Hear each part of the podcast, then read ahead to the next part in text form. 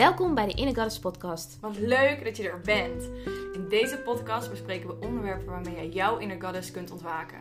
Van zelfliefde tot lichamelijke gezondheid. Van hormoonbalans tot het ontdekken van wie jij bent en wat je wil. Al met al, alles om te zorgen dat jij sterk in jouw schoenen gaat staan en die goddess, die al in jou zit, naar boven kunt halen. We wensen je veel luisterplezier. En als je deze podcast leuk vindt, zorg dan dat je je abonneert, zodat je geen enkele aflevering van ons mist.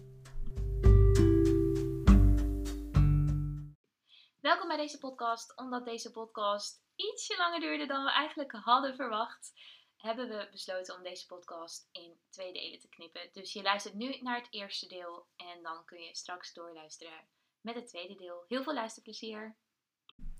Hi en welkom bij een nieuwe podcast. Wat leuk dat je weer luistert. Vandaag gaat het hebben over relaties, een uh, veel gevraagd onderwerp. En uh, ik heb er zin in om hierover te praten. Ja, ik ook. Het is echt um, bizar dit keer hoeveel vragen we hebben gekregen. Ja, leuk ook. Uh, ja, heel leuk. Normaliter krijgen we wel wat vragen, maar dit was um, booming. Ja.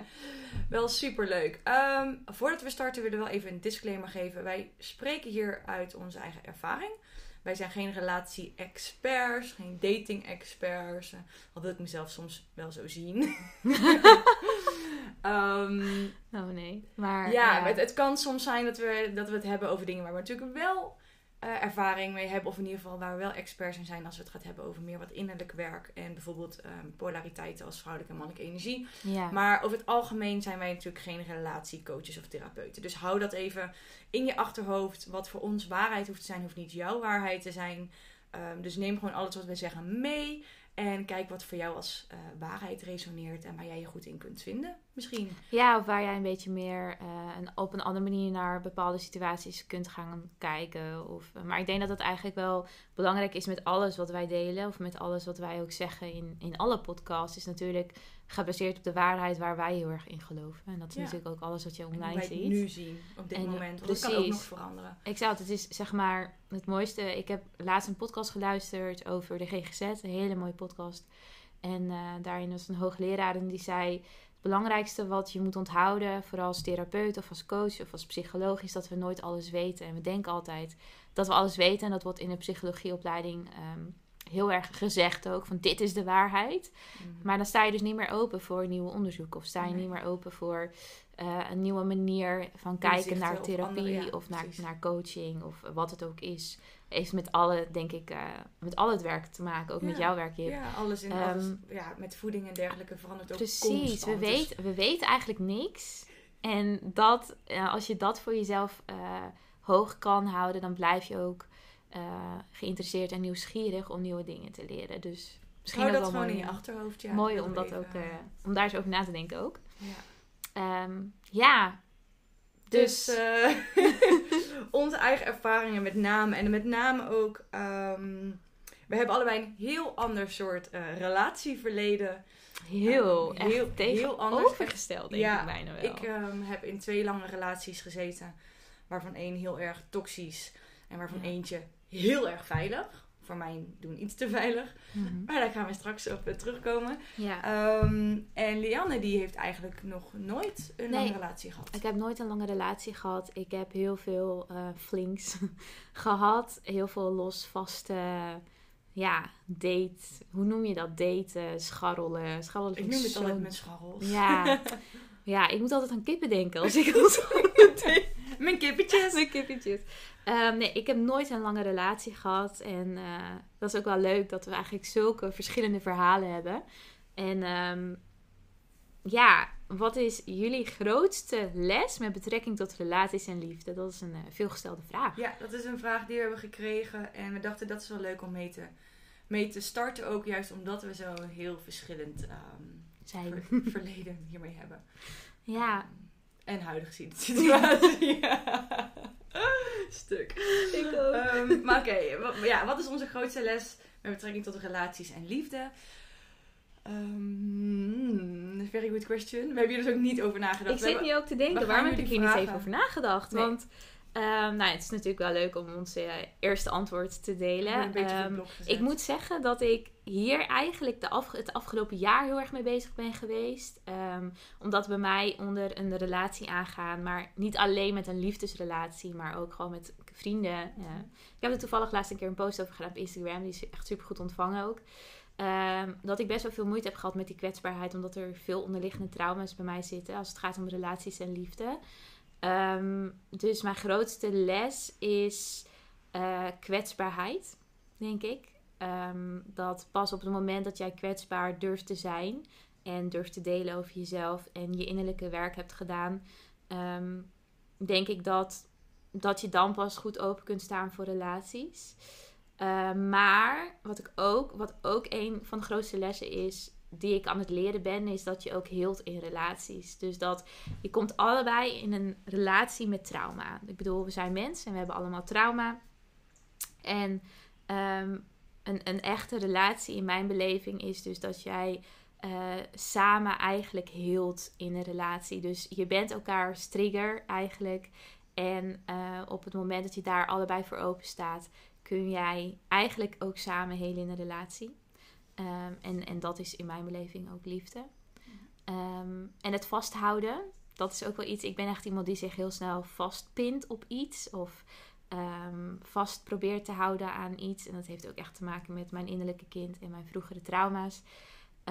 En wat voor mij de afgelopen jaren heel erg naar boven kwam, eh, niet alleen in relaties en niet alleen in liefde, maar eigenlijk in het leven ook, is dat niks is voor altijd en dat is ook oké. En wat er nu is, is ook goed. Ja, mooi. Ehm, dus dat je niet jezelf gaat vasthouden aan één persoon. Ehm, en eh, je kan daarin natuurlijk toekomstplannen maken. Ik bedoel, dat is helemaal niet gek. En daar hou ik ook echt van. Dromen van kinderen met iemand krijgen en samenwerken.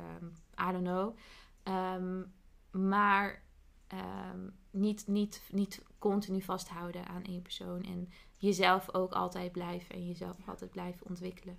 Mooi die ook. Ik denk dat ook als je dat beseft en als je dat leert, dat het ook heel veel druk weghaalt van een relatie. Ja, Zo van, het Dat. moet werken met z'n tweeën. Het moet werken, want er is één iemand aan wie ik me vast moet houden. ja. Als je dat los kunt laten, ik denk dat heel veel druk weghaalt ehm, bij de relatie van het moet werken. We zijn Ja. natuurlijk wel allemaal geconditioneerd. In de zin van, je trouwt en je blijft eigenlijk de rest van je leven bij één iemand. True. Ja, dat is wel echt En scheiden is eigenlijk, ja, het is tegenwoordig wel wat meer eh, nor- normaal, ja, normaal geworden, zeg maar. Dat veel mensen ook wel gewoon een relatie eindigen, ook als ze getrouwd zijn. Maar met name vroeger natuurlijk was het echt, je kon niet scheiden, dat was een no-go. Nee. Dus je moest, dat, moest gewoon aan één iemand, als je Nou ja, je ik committe, dan denk zat je wel- er gaan vast. Waar ik heel erg in van- geloof is dat relaties en, en liefde is iets waar, waar je voor werkt. Ja. Ehm, dat is natuurlijk heel cliché en cringy om te zeggen misschien, maar dat heeft ook te maken met de relatie die jij tot jezelf hebt. En de liefde die jij voor jezelf voelt, is niet iets wat zomaar is. Nee. En dat is niet iets wat zomaar op je pad komt. En dat Nee, is ook een vraag die we heel Liefde vaak krijgen, is wat is liefde? Wat, is, wat zijn relaties? En dan denk ik, ja, werk eens aan de relatie tot jezelf en de liefde tot jezelf. En dan pas kun je inzien dat het werk kost ook. Ja. Of het, het, het, het is werken aan elke dag aan jezelf. Ja. Het, is, het is liefde En werk dus ook je aan de relatie als je in een relatie zit. Exact. Ik bedoel ja. niet dat je niet moet werken voor je relatie, hè, met wat ik net zei. Nee, Ehm, maar ik denk wel dat het heel veel druk weghaalt als je beseft dat, ehm, ja. dat je ook verschillende ehm, soorten van liefde hebt. En dat soms heb je misschien een relatie met iemand en die is bestemd om drie jaar te bestaan. En soms heb je een relatie met iemand die is bestemd om de rest van je leven te bestaan. Ik denk Ja. dat dat per persoon ehm, en per relatie kan verschillen en daar leer je weer van. En ik denk dat mijn grootste les dan ook is geweest in, ehm, in relaties en in liefde. Ehm, want ik heb dat dus echt moeten leren. Want ik pinde mezelf dus echt vast aan iemand. En ik werd heel needy. Puur omdat ik zo graag die liefde wilde ontvangen. Daar Ja. wilde ik me helemaal aan vastgrijpen. En vasthouden. Hoe Mhm. ongezond het ook was. Mhm. En ik heb heel erg moeten leren als ik gewoon leer accepteren dat liefde ook voorbij kan gaan. Of dat het ook ehm, dat het kan eindigen ergens. Want het is hetzelfde als met je bent iemand getrouwd, ja, uiteindelijk gaat er iemand dood. Dan raak je het ook een soort van kwijt. Even Ja. tussen haakjes. Ja. Dus er zit altijd ergens een, een, een einde aan. Of dat nou over een jaar is of over zeg maar 60 jaar. Ehm, als je dat leert accepteren, ehm, dan leer je ook veel relaxer in een relatie te staan. Dan leer je ook. Ehm, ik vind deze moeilijk om, om uit te leggen, maar. ehm, voor mij is dat echt dat ik me dan niet meer eh, zeg maar, vast hoef te klemmen aan iemand. En dat ik ook kan zeggen van, hé hey, weet je, het werkt niet meer voor mij. Dus dan kan ik doorgaan. En dan is dat niet, de einde, niet het einde van de wereld. Ik denk dat het ook wel heel erg te maken heeft met ehm, innerlijk werk, nogmaals. Eh, maar ook sowieso. te maken heeft met verlatingsangst. Of Ja. natuurlijk verbindingsangst of verlatingsangst. Daar kan het ook wel echt mee te maken hebben. Ehm, bang zijn om alleen te staan, bang zijn om in de steek gelaten te worden. Ja. Ehm, die angst heb ik heel erg. Ik ben als eh, het innerlijke kind, ben ik ook echt heel veel in de steek gelaten. En heb ik nooit echt liefde gevoeld. Ehm, heel kwetsbaar om dit te vertellen, maar dat heb ik volgens mij vorig jaar, want voor, vorig, vorig jaar, vorige week voor het eerst aan jou Ja. verteld dat ik eigenlijk nooit heb gehoord dat iemand van me hield. Dat heeft nooit iemand tegen mij gezegd totdat een paar weken geleden, of nee, een paar maanden geleden toen ik ehm, met die huidkanker zat, dat, eh, mijn, dat een vriendin van mij, een van mijn beste vriendinnen, tegen me zei: Ja, maar Lian, ik houd heel veel van je. En dat ik echt dacht: Wat is dat? Huh? Houdt iemand echt van mij om wie ik ben? Ehm, dat ik daar zo. Ik ja, gewoon niet wist wat ik daarmee moest, omdat ik dat nooit had gehoord. Niet als kind. Ehm, het, We hebben het daar met kerst over gehad. ja, we hebben het daar met kerst heel erg over gehad. Ja, en dat is voor mij heel erg kwetsbaar om het daarover te hebben. Want als je dit dan zo hoort, dan kan je misschien denken... oh, wat gek dat je dat nooit hebt gehoord. Of wat gek dat je dat gek vindt om te horen. Want maar voor mij zat daar echt wel een diepere lading onder... dat iemand dat tegen mij zegt. En toen kwam bij mij ook heel erg de overtuiging naar boven. En ik denk dat veel luisteraars zich hier wel in kunnen... ehm, vinden is dat ik heel lang het idee heb gehad dat ik mezelf moest veranderen om leuk genoeg geworden te vonden in, in een liefdesrelatie. Met vriendin heb ik dat. met vriendin heb ik dat wel echt, echt heel, heel erg achter me gelaten. Want ik heb echt mensen om me gecreëerd die, mij, die van mij houden zoals ik ben.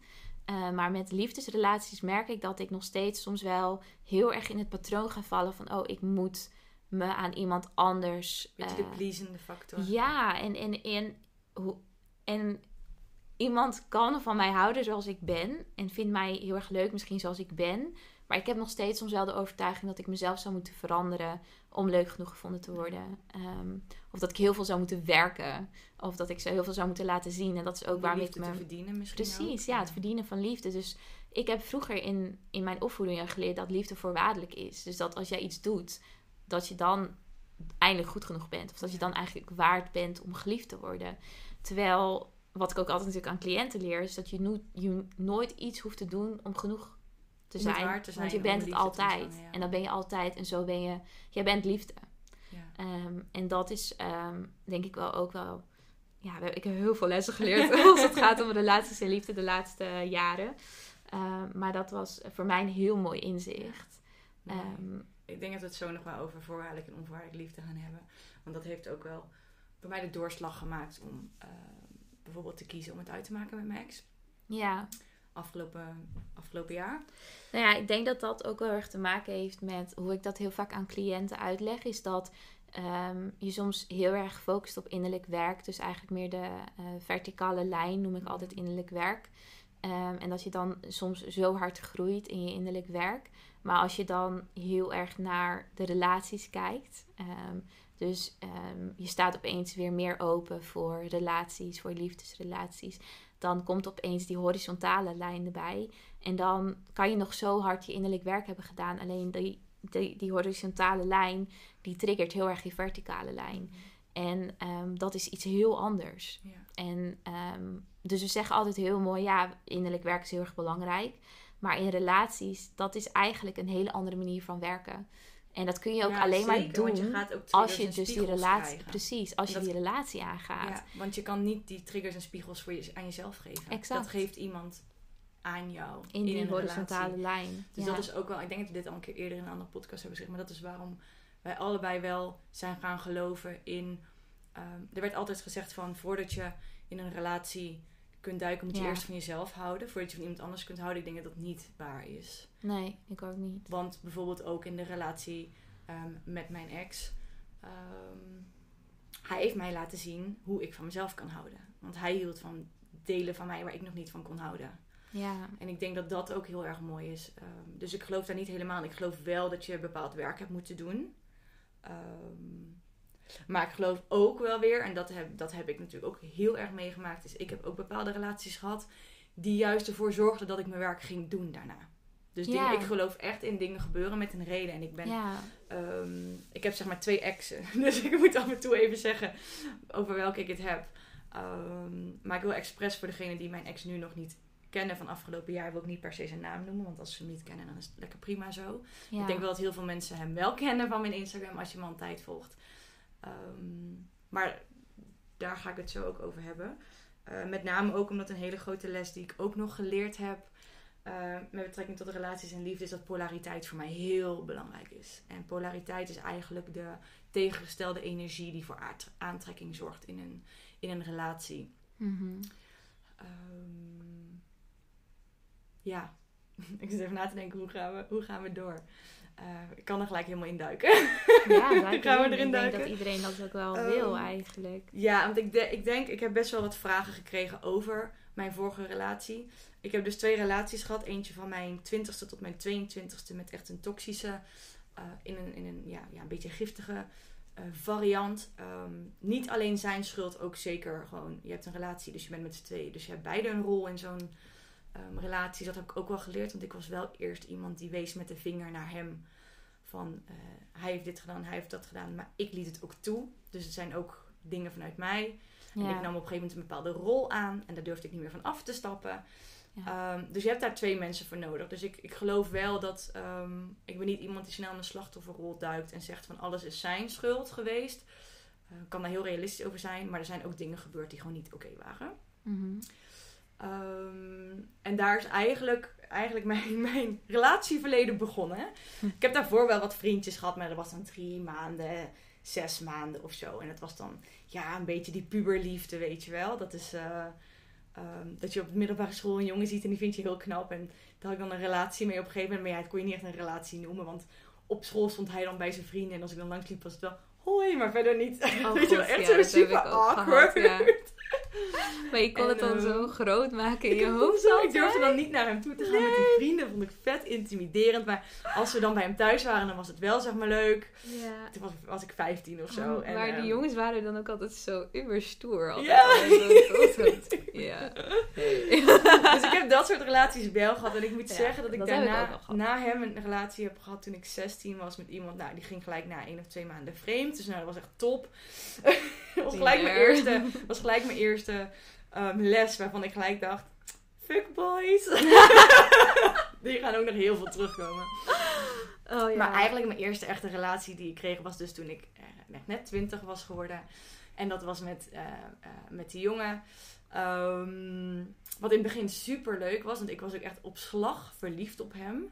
Hmm. Ehm, daardoor zag ik ook heel veel dingen niet, want ik had echt zo'n roze bril op. Echt zoals ze zeggen, van als je echt verliefd bent, dan, ja, dan zie je alleen alle leuke en fantastische ja, dingen. dat heb ik ook wel gehad, ja. En ehm, achteraf kan ik wel zeggen dat die jongen echt eh, heel erg narcistisch was. En dat zeg ik niet omdat hij gewoon heel egoïstisch of zoiets was. Want heel veel mensen halen dat bijvoorbeeld wel door elkaar. ja.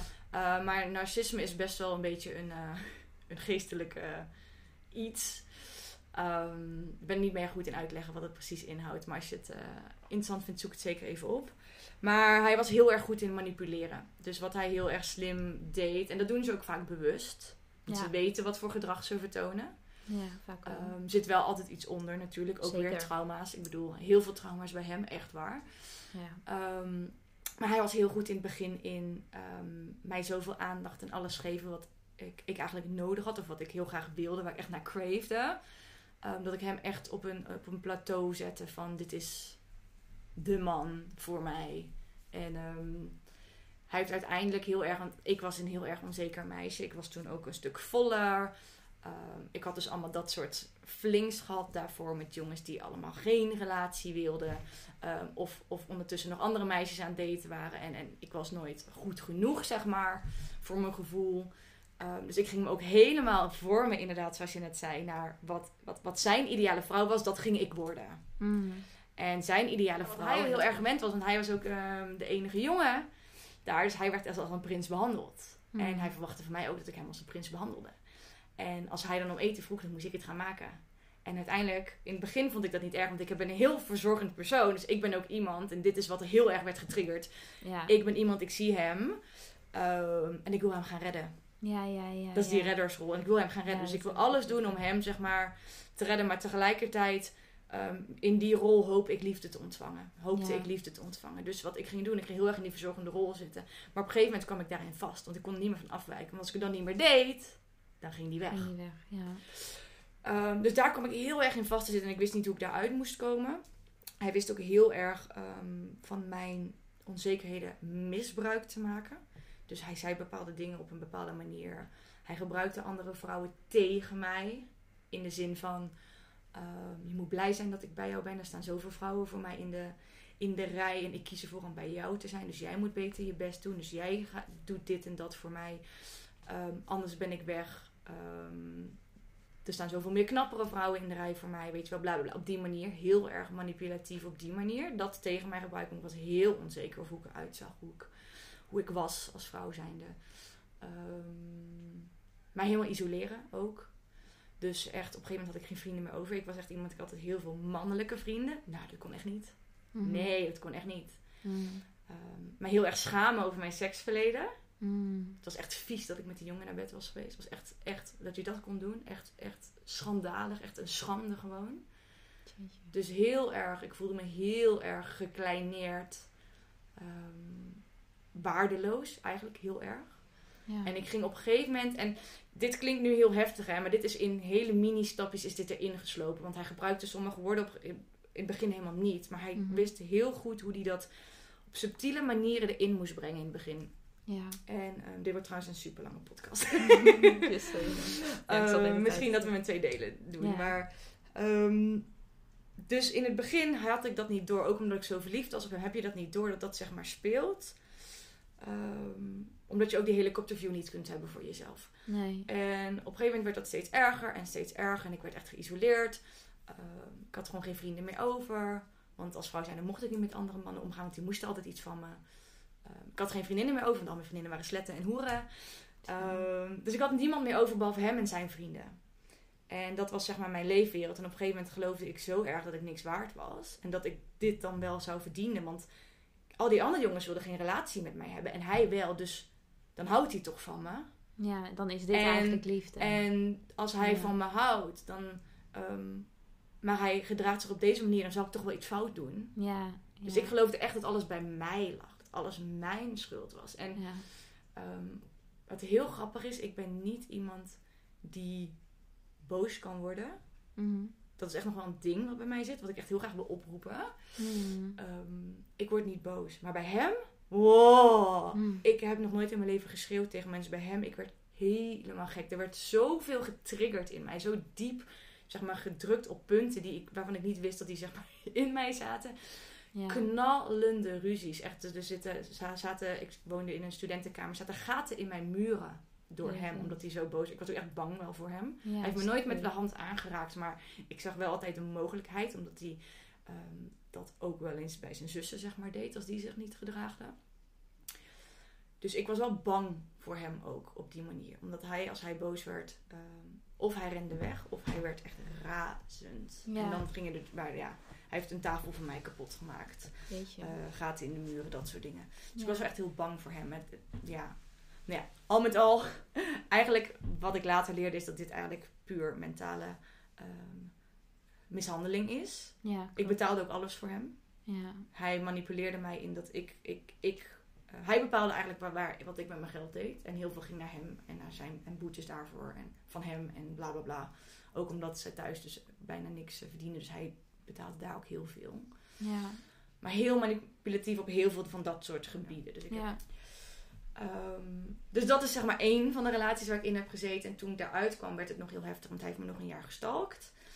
Heel veel stress. Dus ik heb heel veel stress op mijn eh, lijf en, in, en mentaal gehad toen. Omdat er zoveel getriggerd werd. En ik dacht letterlijk echt dat ik niks waard was. Ik dacht dat ik nog minder waard was dan zeg maar de grond waar we... De modder, eh, de modder die nu op de straten ligt omdat het zo regent. Ehm, dus ja, dat was mijn eerste echte serieuze relatie. Dus ik kan wel zeggen wat voor Hm. top eh, start dat is. En toen zat ze opeens eh, op de bank. ja, en dit is ook inderdaad wel waaruit uiteindelijk mijn eetstoornis verder ontwikkeld is. Want er zat wel al iets. ja. De eigenwaarde en zo was er al niet, maar hij is wel die extra trigger geweest. die op een gegeven moment zorgde dat toen het uitging. Hij heeft het uitgemaakt, omdat ik het niet uit durfde te maken. Hij had weer een of ander spelletje in zijn hoofd, manipulatief spelletje waarvan hij dacht ik ga het uitmaken met je om die en die reden. En een week later wilde die weer aan, maar ik werd ergens wakker, een soort van. Ja. In één keer zag ik wat er gebeurde en ik dacht ik wil dit niet meer, ik wil hier niet meer in terug. ja. Dus eigenlijk was hij mijn eigen uitweg. Hij maakte het uit en dat was voor mij mijn uitweg. Eh, toen werd het dus al eerst alleen maar erger omdat hij merkte dat hij de controle over mij kwijt Ja. was. Want hij had heel erg controle over mij. En toen ik zei, ik wil niet meer met jou zijn, toen flipte hij dus helemaal. ja. En toen zag ik ook wel echt een soort van stoornis ontstaan. Want de ene keer had eh, hij, app, hij eh sms'te, whatsappte, belde me heel de dag. Dus dat werd echt heel obsessief. En de ene keer was het, ehm, ging hij me bedreigen. En de andere keer was het, maar ik mis je zo en ik hou Mm. zoveel van je, bla bla. Dus dat was ook nog zo'n hele, oh, sorry, manipulatieve periode waar ik in zat. Maar ik, heb er, ik ben heel trots op mezelf dat ik er niet meer in ben gedoken. Ja, heel goed. Ehm, maar dat triggerde wel dat toen op een gegeven moment dat ik ergens controle over wilde hebben. En daar is echt mijn eetstoornis op het begin ontstaan van ik ging dat vinden in de fitness en in voeding. Ja, en een heel laag zelfbeeld natuurlijk. Heel laag zelfbeeld. Dus ik wilde echt met fitness en voeding wilde ik. ehm, Jezelf fixen. ja, ik wilde mezelf. Ik wilde, ik wilde letterlijk was mijn gedachte, ik ga hem laten zien wie ehm, hier niks waard is. En Ja. wie hier niet mooi is. Dus het- eigenlijk was hij mijn, mijn ehm, ehm, zeg maar de externe factor. Mijn why waarom ik ging beginnen met sporten. Dus niet echt een gezonde variant van ik ga sporten voor mezelf. ik ging dat Ja, ik echt doen dat, voor... dat heel veel, als, Ja. als je eerlijk naar jezelf bent als luisteraar, dat je jezelf hierin wel zou kunnen Ja, vinden. misschien. Dus, dus hij was wel echt die trigger daarin. Ehm, ehm, ja. Ja, dus eigenlijk dat was mijn eerste relatie. En, en als ik dan ga kijken naar de, de relatie die ik daarna heb gekregen met mijn ex, waar, waarmee ik samen was vanaf mijn 24ste. eh, ja, 24ste tot, eh, tot afgelopen zomer. Ik, ben, ik, word, ik word volgende maand 28, dus zeg maar 3,5 jaar zijn we samen geweest. Dat was de volledige andere kant. Het was heel veilig en heel comfortabel. En dat had ik toen echt nodig ook. ja. Omdat daartu- daartussen heb ik heel veel gedate. Ehm, maar ik trok altijd constant de verkeerde jongens aan. ja. Daar komen al die fuckboys. Ehm, maar dat komt ook omdat ik bepaalde dingen uitstraalde. En ja. dingen aantrok. En ehm, omdat ik zo slecht over mezelf dacht. En ehm, omdat ik niet sterk in mijn schoenen stond. Dus dan ga je ook mensen aantrekken die ehm, of daar misbruik van maken. Of daar niet mee overweg kunnen. Of ja, ik weet niet zo goed hoe ik dat moet uitleggen. Maar het is natuurlijk een, een, een- ook weer een soort van polariteit die daar Ja, natuurlijk. Love attraction. Ehm, wat je naar ja. buiten werkt. Of wat je naar buiten werkt. Ja. Wat je naar buiten brengt, krijg je ook weer terug. Ja. ja. Dus dit is ook leuk, want ik heb een we hebben een vraag gekregen ook in, ehm, bij de vraagsticker. En eentje daarvan was, even kijken hoor, ik zoek hem heel eventjes erbij. Ehm, dat ging ook over wat voor innerlijk werk je moet doen om de juiste mannen aan te trekken. Ehm, ja. Ja, nou, ik denk wel dat, dat dat voor iedereen anders is Want iedereen komt ergens anders vandaan. Wat ik net vertelde over mijn grootste lessen, dat, wa dat was mijn, of dat is nog steeds wel mijn innerlijk werk. Ja. Ehm, dus ja, dat is, ja, ik vind het heel lastig om te beantwoorden, want ik denk dat dat voor iedereen anders is. En Ja, dat zeker. doordat wij dit delen, dat, dat je voor jezelf misschien wel kunt, al kunt opschrijven, oké, waar loop ik dan in vast als het Ja. gaat om innerlijk werk in combinatie Ja, met en misschien relaties. herken je hier inderdaad dingen in. Precies. Ehm, wat bij mij heel erg was, ik moest mijn eigen, ja, mijn eigen waarde gewoon weer ehm, Herstellen. herstellen. ja. Ehm, heel erg. Zien waar mijn sterke punten liggen. Maar ook gewoon inderdaad zien waar liggen dan mijn valkuilen. Want waar trap ik dus constant in. Ja, ja, en ik denk ook wel dat je misschien aan jezelf kunt vragen: oké, maar wat, wat triggert mij nou zo erg in Ja. relaties? En wat is bijvoorbeeld een lijn, een rode lijn in relaties die Ja. Continu weer terugkomt? Want ehm, dat, dat is jouw trigger. Ja. En dan is, het aan, dat, dan is het eigenlijk aan jou om dat innerlijk werk, dus ja, daarmee aan de slag te gaan. Ja, dus en daar kun je dus te onderzoeken waar het dan vandaan komt. En, en vaak zijn het triggers die, eh, die heel veel met elkaar te maken hebben. En komen uit één of twee of drie oorzaken van je verleden. Ja, En ga daar eens mee aan de slag voor jezelf. ja Waar, zeker. waar ligt je onzekerheid? Waar ligt je angst? Hè, waar ben ik bang voor? Ben ik bang om in de steek gelaten te worden? Ben ik bang om mezelf aan één iemand te binden? Waar komt dat dan En vandaan? geheid, als je die angst hebt, dan ga je juist de mensen op je pad krijgen die die angst gaan triggeren. Exact. Dus dat is wat je uitstraalt. Ja. Dus als jij heel erg de angst hebt om, om verlaten te worden, om geghost te worden, dan ga je geghost worden. Ja, daar hebben we natuurlijk ook Dat, een vraag dat, over daar hebben we ook een vraag over. Maar dat trek je aan. En Ja. dat is heel hard om te horen.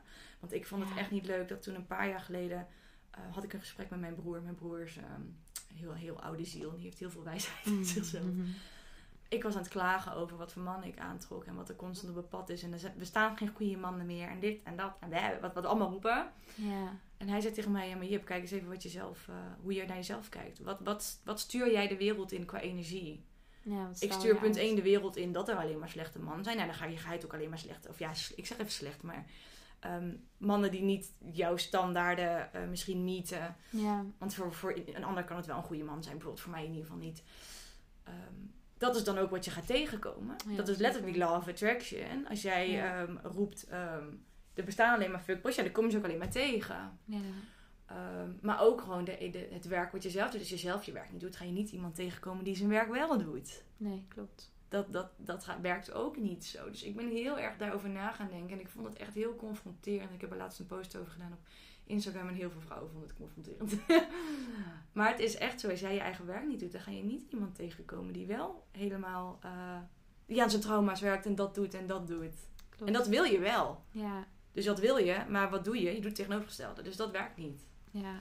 En dat heb ik dus gewoon heel erg moeten leren. En dat, dat, dat is dus ook een heel erg een lijn die bij mij ehm, constant terugkwam. Ehm, dus ik ben toen gaan werken aan zelfliefde. Nog voordat ik bij jou ben geweest. Ja. Maar ik kwam wel constant op dat tegen zo'n plateau aan. Want mijn eetstoornis zat in de weg. En ik durfde nog niet eerlijk tegen mezelf te zijn. Ja. En dan heb, je wel, dan heb je wel van. Maar ik had wel al werk gedaan. Ik was in ieder geval bezig met: oké, ik wil graag mijn werk doen. Ik wil hier aan werken, ik wil hier aan werken, ik wil hier aan werken. Ik zie dat dit constant terugkomt. ja. Ehm, maar het echt daadwerkelijk er dieper induiken, dat was gewoon heel lastig. Maar ik had wel de intentie om het te doen. En omdat ik die intentie had om dat te doen, kwam ik mijn ehm, laatste ex, zeg maar, tegen. Ehm, die ook die intentie had, want die was ook bezig met aan zichzelf werken. Ook vanwege vorige relaties. Of, of ja, eigenlijk, ja, had één korte relatie daarvoor gehad en verder nooit een lange relatie. Maar zijn intentie was ook, ik ben aan mezelf aan het werk en ik wil daar dieper induiken. Dus ik me- meette eigenlijk iemand die op datzelfde punt zat. Met, ik wil, ben er misschien nog niet helemaal, maar ik wil wel graag groeien. En dat was voor mij toen heel erg nodig. En, en daarnaast was mijn, mijn ex toen heel erg, ehm, heel veilig voor mij. Mhm. En hij gaf mij de ruimte om mezelf te zijn. Hij gaf mij de ruimte om te ontdekken wat ik waard was. Hij liet mij zien wat ik waard was. Ja. Ehm, dat hij onvoorwaardelijk van mij kon houden. Dus niet voorwaardelijk. Als je dit en dit doet, of als je zo en zo uitziet, dan hou ik van je. Nee, ik kon ook letterlijk met ont, eh, ontploft haar en heel lelijk met vlekken en whatever op de bank zitten. En hij vond mij nog steeds zeg maar de mooiste vrouw ehm, van de wereld. Bij wijze van in ieder geval dat gevoel gaf hij me wel. Zeker in het begin. Ehm, en ehm, het was ook oké dat ik nog niet al mijn werk had gedaan en dat ik ermee bezig was. Dus dat er ook nog momenten waren dat ik heel onzeker was. Ja, maar ik denk dat dat ook vaak een illusie is wat mensen hebben over helen. Want we hebben altijd werk te doen. Altijd, ja. Ehm, je kan nooit, helen is geen eindpunt. En dat kan soms heel frustrerend zijn. Alleen hoe meer ik ook natuurlijk coach en hoe meer ik mezelf ook in, in nieuwe opleidingen en cursussen gooi, hoe meer ik ook over mezelf leer. En Ja. dat is ook de commitment die ik met mezelf ben aangegaan, is dat ik altijd blijf leren en altijd nieuwsgierig blijf naar leren. Wat ik net ook al in het begin van deze podcast heb gezegd is, we weten eigenlijk vrij weinig en ehm, Ehm, en, en je bent, zeg maar, wij als mens proberen altijd op zoek te zijn naar onszelf, maar we kunnen onszelf nooit vinden, omdat we als mens altijd groeien. Ja. We veranderen altijd. En dat is denk ik in een relatie ook heel erg belangrijk om dat te omarmen. Dat je bent allebei mens, dus je hebt allebei een hele andere ziel. En die ziel groeit. Ja. Eh, je groeit als mens. En ehm, dus, dus de partner waarmee je vorig jaar was, is, kan dezelfde partner zijn als nu, maar op een heel andere manier. Ja. En dat is ook heel belangrijk om in een relatie samen te groeien en ook apart te groeien. Ehm, en om dat van elkaar te omarmen en dat te communiceren. Ehm, en ik denk dat een van de belangrijkste waarden die ik heb in een relatie, of ik zou hebben in een relatie, is communicatie. Ja. Is zo belangrijk en heel erg eng. Want dat is iets wat ik heel eng vind. Is communiceren over hoe ik mij voel. Of Ja. Überhaupt praten over mezelf is iets waar ik heel erg... is echt een drempel voor mij. Omdat ik zo gewend ben om, ben om alleen maar te luisteren. Ja. En advies te Dan is geven. deze podcast echt een top, Ja, top ding voor dus je. ja, nee, maar dat is, dat is iets wel, wat ik weet dat van mezelf. Heel veel vriendinnen zeggen dat ook. Van, Jolian, hoe gaat het nou eigenlijk met jou? Want we zijn alweer twee uur over mij aan het praten. En denk ik, oh ja, dit voelt heel oncomfortabel om het dan opeens over mezelf te hebben. Ja. Ehm, want, en dat merk ik nu ook eh, als ik aan het daten ben bijvoorbeeld. Dat, dat ik heel oncomfortabel voel om iets over mezelf te delen. Dat ik gewoon letterlijk soms bloos als ik iets over mezelf. Dat ik denk, what the fuck Lian, wat doe je nou? Je mag het ook over jezelf hebben. Maar dat vind ik zo oncomfortabel. Dat voelt zo, omdat ik altijd zo gewend ben om te luisteren. En dat rustige meisje te zijn, of meisje, jonge vrouw te zijn die, die luistert en die er is en die zorgt. Ja, zo ben ik natuurlijk ook opgegroeid. Ik moest altijd zorgen. Ehm, ja, en, en alsnog is voor mij de waarde wel in een relatie. En ik denk dat dat ook wel belangrijk is, ook voor iedereen, is die communicatie. Ehm, is vertellen wat jij belangrijk vindt. Is vertellen waar jij in wilt groeien, maar ook waar je samen in zou willen Ja. groeien. Ehm, en, en, en ook luisteren naar die persoon waar hij of zij in wil groeien.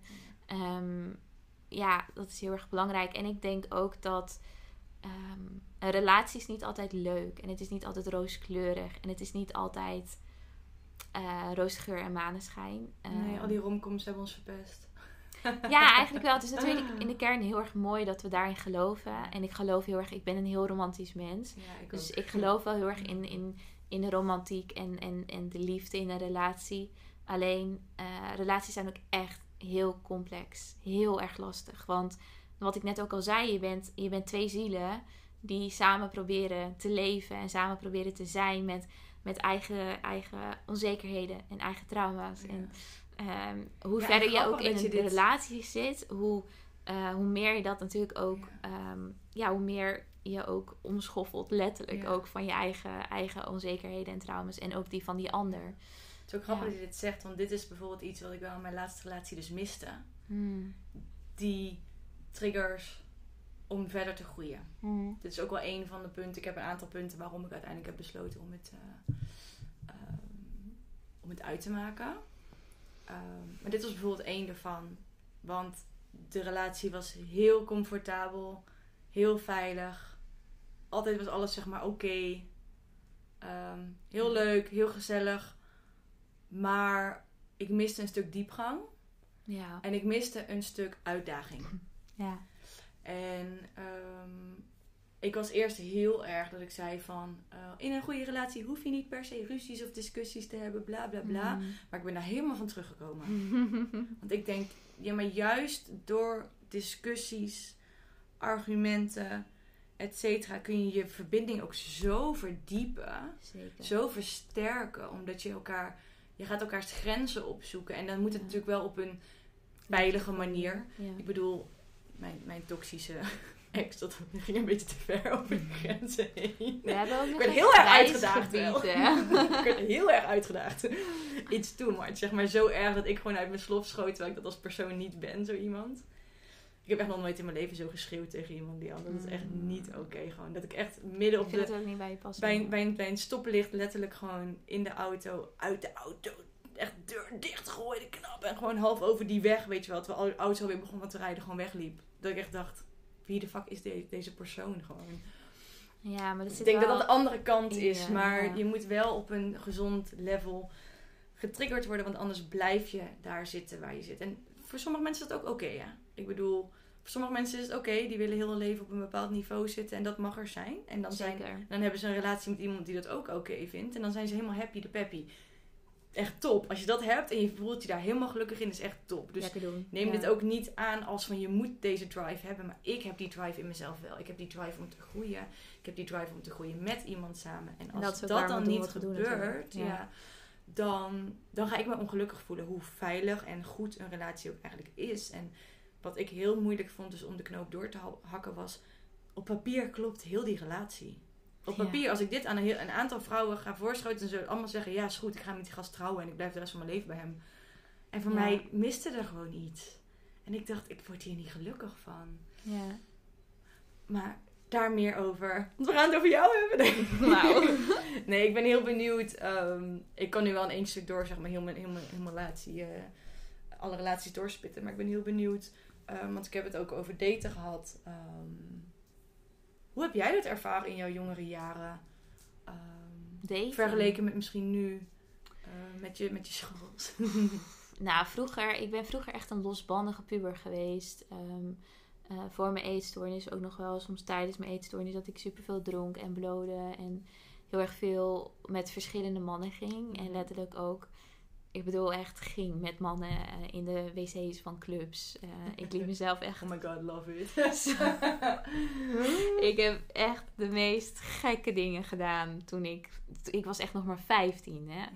Ehm, ik ging met mijn vriendin naar een, een andere, andere plaats... waar we dan jongens ontmoetten die we dan via via hadden leren Oh, kennen. heb ik ook gedaan hoor. Ehm, ik ben met voetballers geweest. De een na de ander. IJshockeyers. Nou, I don't know. Ik heb alles gedaan. Ik heb alles geprobeerd. Ehm, waar natuurlijk, natuurlijk, ja, voor mij wel echt een kern van... Ik was op zoek naar bevestiging.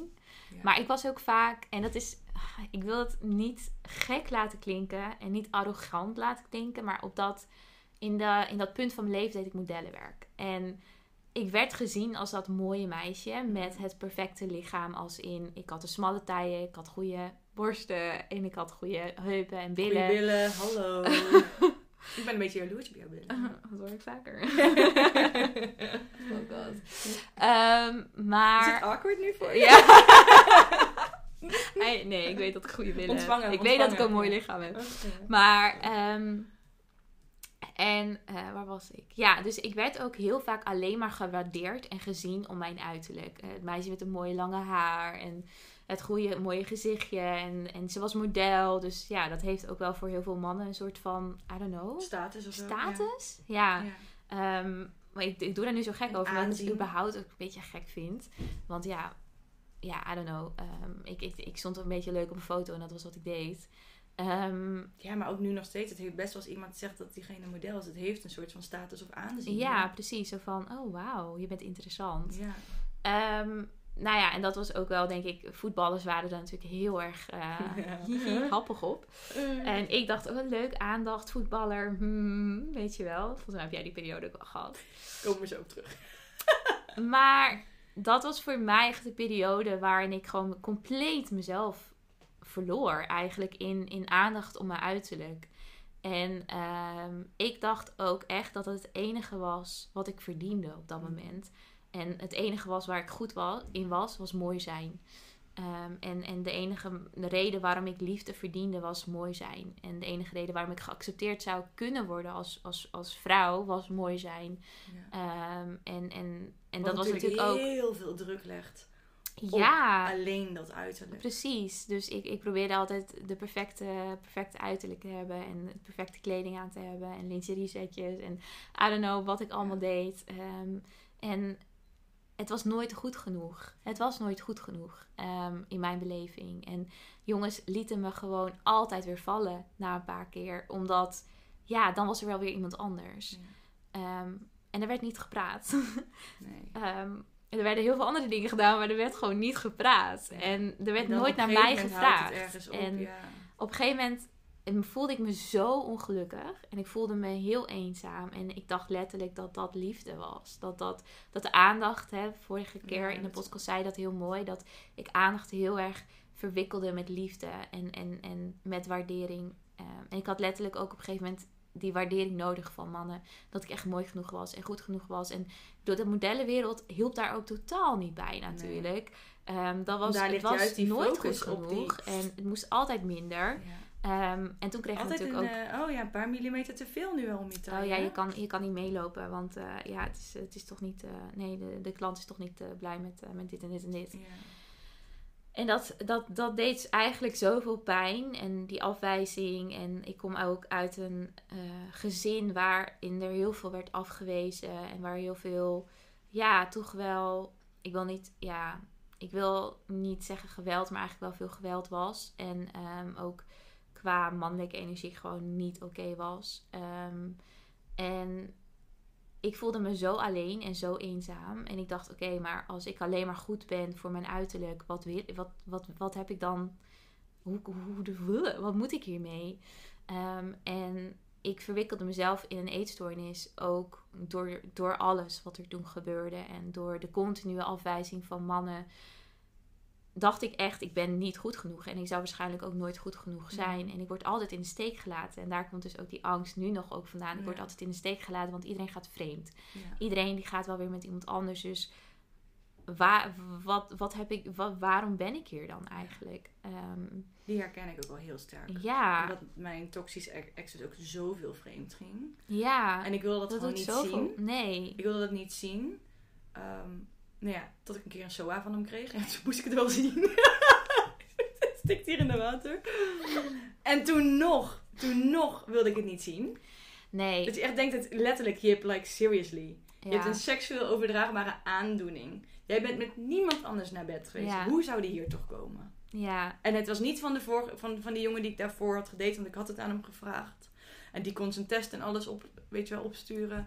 Ja, maar je gelooft eh, zo in je eigen waarheid, toch? Je bent zo verwikkeld. En ik wilde hem zo graag geloven. Ja, dat was het hele probleem. En, dat is en ik wilde zo graag geloven, want dat is ook die fixer in mij, dat hij kon veranderen. Ja, oh, dat ken ik ook heel goed. Ik heb ook wel eens gedacht dat ik mannen kon veranderen. Ja, ik was echt, ik was nou, de savior. Ik was de savior. Echt, dacht? Ik. ik. dacht echt, ik was de savior voor oh heel veel. Oh my god. En als dan dat iemand tegen heel zei, geprobeerd. Nee, ik wil geen relatie. Ik dacht, ja, maar wacht maar. Je wilt wel een relatie. Of bij die fuckboys. Ja, maar bij mij gaan ze veranderen. Ja, I know. Wat ja, dat heb ik ook wel like, alsof, alsof iemand zo voor jou gaat veranderen. Maar... Fucking bullshit. En de enige met wie, wie je dan pijn doet, dat ben je zelf. Ja, maar... En de enige die dan huilend een vriendin dan wel, ja, maar ik ben weer in de en dat een vriendin zei, ja, maar hij wilde toch geen relatie? Dus eigenlijk wist je wel dat hij weg zou gaan. Dus ik, ja, maar ik dacht toch dat ik anders was. Ik zag signalen. Oh my god. Oh my god. Ja, maar hij was toch, hij stond toch wel weer bij me op de stoep. Oh ja. Ja, oh, bin there, dan that. Nou ja, bin dus, there, um,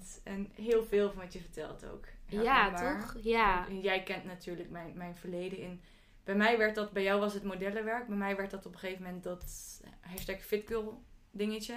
Ja, dat heb ik toen, toen ik. gedaan, um, mijn Instagram groeide heel hard. Omdat ik na mijn toxische ex ben ik 15 kilo afgevallen. Mhm. Ik dacht, ik ga jou eens even wat bewijzen, meneer. 15 kilo afgevallen aan vet. Um, heel veel mooie billen voor teruggekregen. Ik trainde heel hard. Ik trainde 6, 7 keer in de week. Ging op mijn eten letten, bla bla bla. Nou, je weet al dat verhaal dat me toe heeft geleid. Ja. Ehm, maar ik werd op een gegeven moment gezien, zeker toen in Eindhoven, want in Eindhoven bestonden nog geen fit girls. Het bestond überhaupt nog niet. Ik noem het even fit girls, hè, maar een beetje een negatieve lading geef ik er nu over. Maar ehm, in principe hoeft dat niet te zijn. Maar toen werd er best wel negatief over gedaan. En um, influencers bestonden niet en zeker niet degene die selfies maakten van zichzelf in de spiegel, van hun uh, proces. Wat voor mij eigenlijk gewoon puur aandachttrekkerij was. Als ik ja, eerlijk naar mezelf ga kijken. En ik wilde bevestiging. En ik kreeg er veel likes op. Dus dat was voor mij bevestiging van ja, zie je, je bent iets goeds aan het doen. Ik bedoel, mijn waarde was uh, tot onder de grond ergens. Hè? Dat, die, bestond niet, gewoon, die bestond gewoon niet. Ik had geen eigenwaarde, punt. Dus ik haalde dat beetje eigenwaarde uit op een gegeven moment uh, met mijn uiterlijk, mijn lichaam. En um, ik merkte dat mannen daarop reageerden. En dus ik ben precies dat doorlopen wat jij hebt gezegd. Ik, ik had zoveel DM's van mannen. Toen moest dat mhm. nog via Insta Messenger, volgens mij nog een aparte app zelfs. Dat je mensen berichten Ja, dat was zo, ja. Zoveel van andere mannen. En ik haalde daar zoveel, nou ja, weet ik veel, al mijn gelukshormonen werden daarvoor aange, aangewakkerd natuurlijk. Dus dat voelde goed. Ja, tuurlijk. Ik dacht, wow, kijk hoeveel aandacht ik krijg. Ja. Uh, hello toxische ex, kijk eens even hoeveel aandacht ik krijg nu. En ik ging daardoor ook wel over een, over een streep heen voor mezelf. Dat ik dingen deelde waarvan ik nu denk van... Oh mijn god, ik zou dat nooit meer op die manier delen, zeg maar. Dat soort foto's. En, en ik snap wel waardoor mensen daardoor getriggerd werden van... van wat de fuck is ze aan het doen? Uh, maar dat is gewoon mijn proces geweest, heel erg. Ja. En ik heb... Ja, en dit is ook inderdaad niet om arrogant te doen of iets. Maar ik heb ook die voetballers gedate. En dat was ook altijd drama trouwens. Mijn Oh my god. Want die hebben ook ergens een complexe. Niet allemaal. Ik ga ze niet allemaal over één kant nee, nee, nee, Maar degene die ik date, want wat straalde ik uit? Onzin. Ehm, ik kreeg onzin ervoor Nou, terug. wat straalde ik uit? Ik had alleen maar tijgerprintjes aan en zo. Alleen maar problemen straalden wij uit.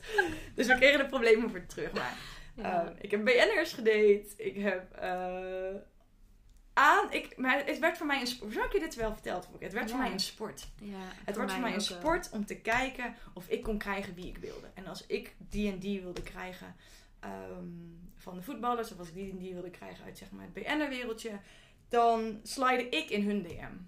Ja, En ik kreeg altijd wat ik wilde. ja. Want ik kon mijn lichaam inzetten. Maar ja, dat is ook het enige waarvoor ze dus bij mij wilden komen. Want die dachten, hé, hey, die chick die ziet er wel leuk uit. Kijk, die heeft de billen getraind en die heeft smalle taille. En, En dan, ze is makkelijk. en ze is makkelijk, want ja, ze laat wel zien dat ze gewillig is. Ehm, dus dat gebruikte ik. En ik had ook, heb in die periode ook heel veel. Dat is dus echt tussen mijn toxische ex en ehm nadat ik met mijn laatste ex ben gekomen. Die periode daarin gebruikte ik ook echt seks om een soort van liefde te, ont- te, te ervaren. Ja, ik ook wel. Dus ik ben heel veel met jongens naar bed geweest. En het is altijd met, ehm, hoe heet het? Ehm, ja, consent. Hoe zeg je het in het Nederlands? Ehm, het was altijd oké. Ik, ik, ik stond er altijd voor open, zeg maar. Ja, ja, ja, ja, ja. Ehm, dus nooit met, nooit met tegenzin of, in, of tegenwil. Maar als ik nu terugkijk, denk ik wel van dat was, ehm, dat was wel niet helemaal oké. en het was ergens zeg maar wel van, ik wilde het wel. Mhm. Maar ook als ik iemand aan het date was, voelde ik me ook wel verplicht om het te doen. Omdat ik dacht dat ik niks anders te bieden had. Dus Ja. als ik met iemand date, dan ging ik vaak de eerste of de tweede keer wel met ze naar bed. Omdat ik anders bang was als ik dat niet doe, dan lopen ze meteen weg. Mhm. Ehm, dus het was ook niet altijd met zeg maar dat ik dacht van ik heb er echt zin in. Maar ik doe het vanuit een angst. Omdat ik anders bang ben dat ik geen liefde ga ontvangen. Ja, dat heb ik ook heel erg gehad. Ja, precies Dus, ehm, en dat is natuurlijk niet bij allemaal zo geweest hè. Nee. Ehm, maar hier en daar, zeker als ik dan weer even misschien door een low-periode heen ging, dan was dat vaker.